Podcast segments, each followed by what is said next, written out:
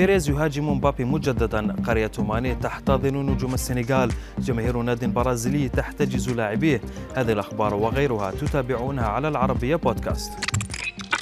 لم يسأم رئيس نادي ريال مدريد فلورنتينو بيريز من مهاجم من مهاجمة نجم سان جيرمان الشاب كيليان مبابي عقب تجديد عقده مع ناديه الفرنسي. وهذه المرة كشف بيريز في تصريحات لبرنامج تشيرينغيتو بأنه تحرك لضم مبابي بناء على رغبة اللاعب الذي أكد له مرارا بأن التوقيع لريال مدريد هو حلم الطفولة.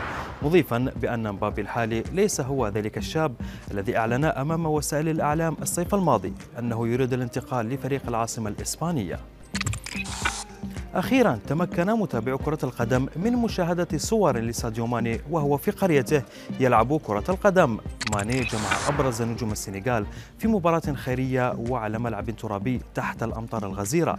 بامبالي وهو اسم قرية ماني شهدت تواجد نجوم سابقين مثل الحاج ديوف وبابي السيسي وبعض من نجوم منتخب السنغال الحالي. وشارك نجم ليفربول الفيديو مع متابعيه عبر إنستغرام وكتب قائلا هنا بدأ كل شيء. يبدو أن مشاكل بوجبا مع فريقه مانشستر يونايتد ستخرج للعلن عبر الفيلم الوثائقي للنجم الفرنسي والذي أطلق عليه اسم بوجيمانتري الفيلم الذي سيعرض يوم الجمعة المقبل يظهر بوجبا وهو يرفض عروض عروض يونايتد لتجديد عقده واصفا إياها بالمتدنية مقارنة بطموحه. ويضم الوثائقي أيضا مشاهدا لوكيل أعماله الراحل مينو رايولا وهو يناقش معه العروض المقدمة من مختلف الأندية الأوروبية.